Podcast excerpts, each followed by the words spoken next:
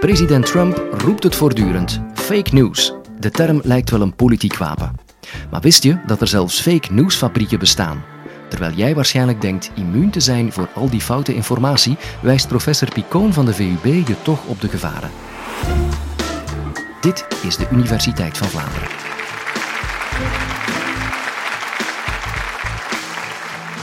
Fake news, dat kennen jullie ongetwijfeld. Dat zijn die verzonnen verhalen die we vooral online op sociale media tegenkomen en die verdacht veel lijken op echt nieuws. Op het scherm achter de professor verschijnen een paar krantenkoppen. Neem nu bijvoorbeeld dit voorbeeld. Ehm, als we die titel zouden zien, wat denken jullie dan? Zouden jullie dit kunnen geloven? Het gaat over de Verenigde Staten die ehm, via sproeiers in vliegtuigen vaccinaties uh, gaan toedienen aan de bevolking. Wie denkt dat het waar is? Het is inderdaad niet waar. Het gaat over fake news vandaag.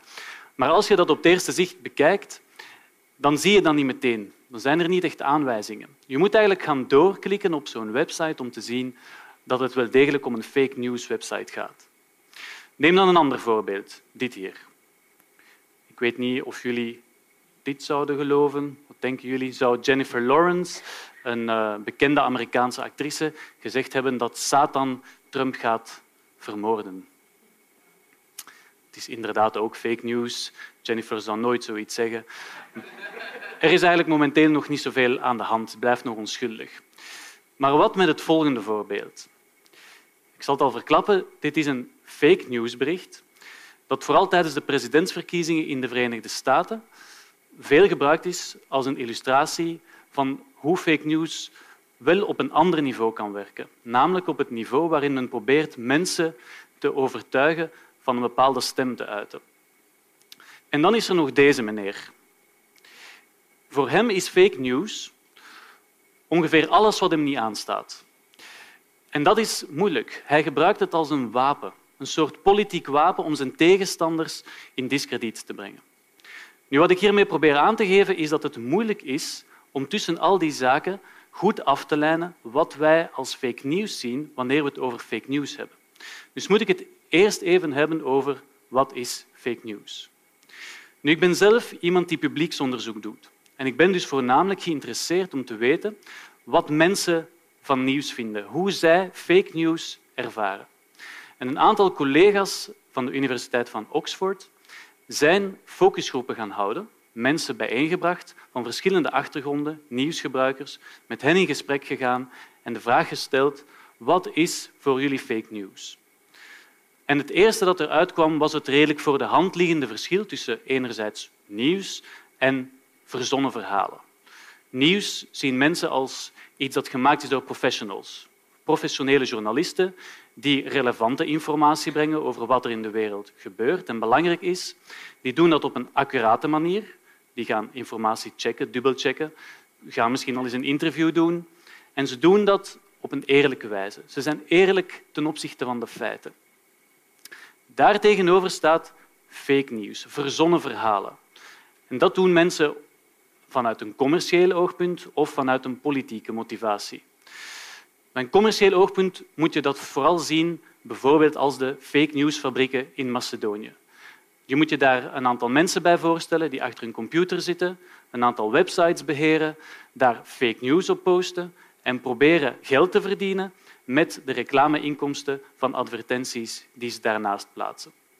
Wettelijk niks mis mee, ethisch gezien op zijn minst betwistbaar. Sommigen gaan dit ook doen om politieke redenen. En dan gaan ze proberen mensen namelijk politiek te beïnvloeden, zeker in verkiezingstijd, om op een bepaalde kandidaat uh, te stemmen. Nu, terug naar het onderzoek. De onderzoekers gingen daarna doorvragen en gingen vragen naar voorbeelden van fake news. En wat dan interessant was, was dat de mensen eigenlijk niet zo zwart-wit dachten over fake news of echt nieuws, maar dat er een hele grijze zone tussen ontstaat. En in die grijze zone zijn een aantal interessante gegevens. Bijvoorbeeld reclame. Overdreven reclame waar men echt probeert een product aan de man te brengen, of gesponsorde reclame, dat beschouwen mensen ook als fake news. Of wanneer het gaat over propaganda. Wanneer politici flagrant liegen, wanneer journalisten één kant van het verhaal maar belichten, ook dat wordt eigenlijk gezien als fake news. En zelfs slechte journalistiek, vol onnauwkeurigheden of wanneer men probeert heel sensationeel nieuws te brengen, wordt ook beschouwd als fake news. Dus wat ik daarmee probeer aan te geven, is dat wanneer we het hebben over fake news en het probleem ervan, dat voor de mensen zelf dit veel meer is dan die verzonnen verhalen, maar eigenlijk een veel breder wantrouwen in de informatie die we online vinden. Nu we ongeveer weten wat fake news is, een breder probleem, zien we natuurlijk dat de verzinsels, de foute verhalen, dat spreekt natuurlijk tot de verbeelding. Hoe kan je zoiets nu geloven, zoals die voorbeelden die ik aangaf? En dan komen we bij de vraag, wanneer geloven fake news? Dat is afhankelijk van twee elementen. We moeten natuurlijk eerst fake news tegenkomen en dan, daarna moeten we zien hoe we met die informatie omgaan. Laten we het eerst even hebben over fake news tegenkomen. Onderzoek in de Verenigde Staten heeft als het volgende gedaan. De onderzoekers zijn de 156 laten we zeggen, belangrijkste fake newsberichten die in de drie maanden voor de presidentsverkiezingen her en der verspreid waren, gaan meten. En ze hebben gezien dat die ongeveer 380 miljoen keer gedeeld werden.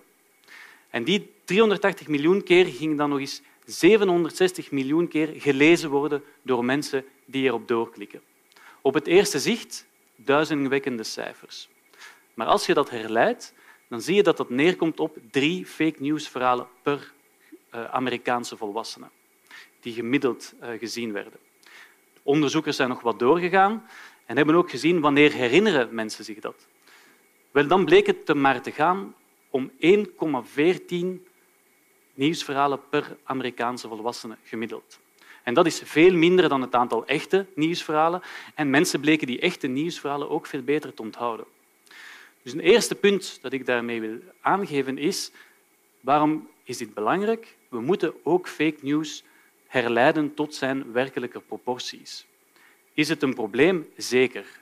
Worden we ondertussen allemaal gebrainwashed en gehersenspoeld door fake news? Dat ook weer niet. Nu, een tweede element is hoe gaan we om met informatie en fake news. Wel, we hebben ongeveer twee grote manieren van om te gaan met informatie als mens. De eerste is een heel intuïtieve manier.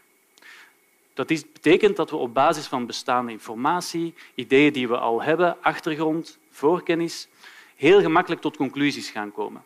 Dat is eigenlijk wat we in het dagelijkse leven het meest gebruiken. Ook wanneer we nieuws lezen. Wanneer je nieuws leest, probeer je jezelf een mening te vormen over wat er in de wereld gebeurt. Hoe sta je daar tegenover? En dan gaat je hersenen, je brein gaat proberen je een beetje te helpen met het maken van die beslissing en daarvoor een beetje trucjes toepassen. Dat noemen we de confirmation bias. Dat is eigenlijk eh, de zoektocht naar bevestiging van ons brein. Wat betekent dat? We zijn eigenlijk geneigd van nature om informatie die overeenkomt met wat we al denken, om die eigenlijk gemakkelijker te gaan aannemen. Als we dan tegenargumenten krijgen voor de zaken waarin wij in geloven, voor onze mening, dan merken we dat we die tegenargumenten minder aannemelijk gaan vinden dan argumenten die onze mening bevestigen. En dat zijn elementen die dus ervoor zorgen dat we gemakkelijk zaken die we reeds denken, meningen die we, die we reeds hebben, dat we die versterken. Die tweede manier van denken is een veel kritischere manier van denken, waarbij, waarbij we de argumenten eigenlijk gaan evalueren. Het probleem daarbij is, dat kost moeite. We moeten die doelbewust activeren. En wanneer we die geactiveerd hebben, dan zijn we ook zeer vlug afgeleid, omdat het zoveel moeite kost. Stel je dan voor de omgeving van vandaag, waarin we overspoeld worden door informatie en je merkt dat het moeilijk is om die te activeren. Dus wanneer geloven we nieuws? Wel, het nieuws dat meer in ons denkkader past, gaan we al gemakkelijker geloven, zelf al is het fake nieuws. En wanneer we overspoeld worden door informatie, is het moeilijker om die kritische manier van reflecteren te activeren. Nu, dat brengt ons bij de laatste vraag. Wat kunnen we dan toch doen om fake news tegen te gaan? Wel, we kunnen ook daar gaan kijken naar ofwel zorgen we dat we minder fake news tegenkomen, ofwel zorgen we ervoor dat we het fake news dat we tegenkomen op een andere manier mee omgaan. Laten we kijken naar het eerste. Kunnen we fake news van het net halen? Wel, dat is iets waar dat de Franse president Macron bijvoorbeeld naar kijkt. En hij ziet vooral Facebook en sociale media als een probleem. Zij verspreiden fake news. Wat wil hij? Hij wil een wettelijk kader scheppen waarin het verspreiden van fake news strafbaar is. Heel nobel doel, maar het is natuurlijk niet gemakkelijk om in de praktijk om te zetten. Denk bijvoorbeeld aan de Pirate Bay en andere illegale downloadsites. Die zijn al menigmaal veroordeeld geweest, maar ze zijn nog altijd online. Net omdat het zo moeilijk is om die weg te halen. Fake news, juist hetzelfde. Als je alle fake news websites weghaalt, circuleert het natuurlijk nog op sociale media, want daar hebben vele mensen het verspreid.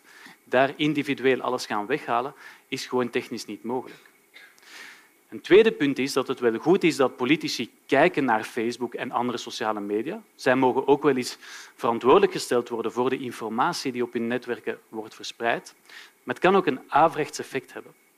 Facebook heeft nu al aangekondigd dat ze minder nieuws zullen doorlaten in de nieuwsfeeds van mensen. Beter geen nieuws dan fake nieuws, denken ze daar. Dat is eigenlijk wel een jammere zaak. Want we hebben dan misschien minder fake nieuws op die sociale media, maar ook minder echt nieuws. En voor vele mensen zijn die sociale media tegenwoordig toch al een belangrijke bron van nieuws geworden. We discussiëren daar ook over nieuws. En het zou spijtig zijn moesten we het kind met het badwater wegsmijten.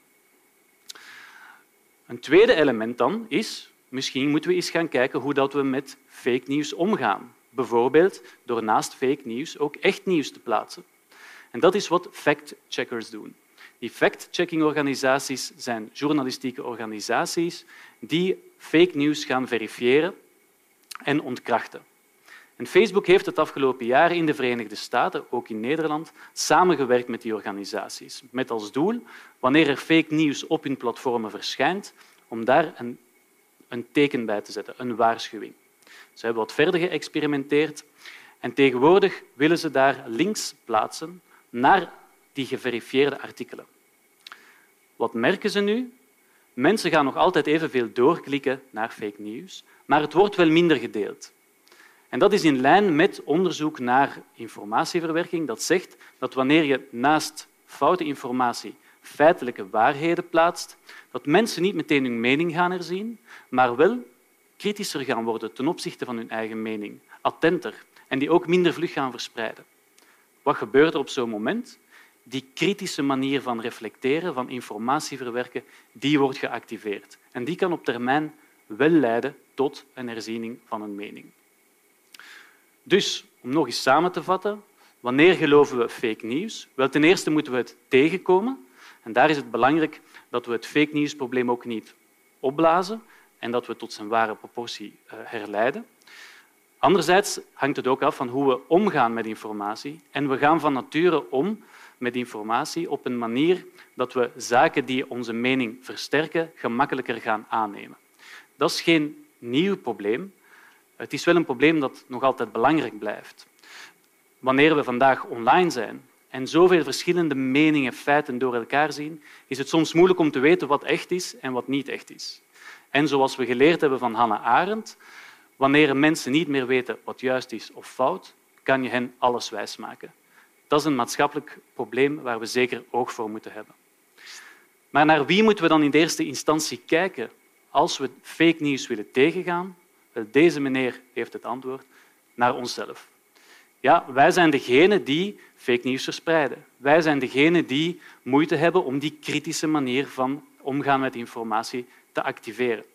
En als we allemaal al wat kritischer zouden omgaan met de informatie die we online tegenkomen, zouden we al een hele stap verder zijn. En dat gaat niet alleen om die verzonnen verhalen, maar ook over reclame, propaganda of zelfs slechte journalistiek. En dan kunnen wij er zelf al voor zorgen dat wanneer we in het stemhokje staan, we niet het foute, maar wel het juiste bolletje inkleuren. Als je naar onze andere podcast luistert, moet je alvast niet op je hoede zijn voor fake news. De beste Vlaamse wetenschappers voorzien je van echte feiten in tientallen colleges.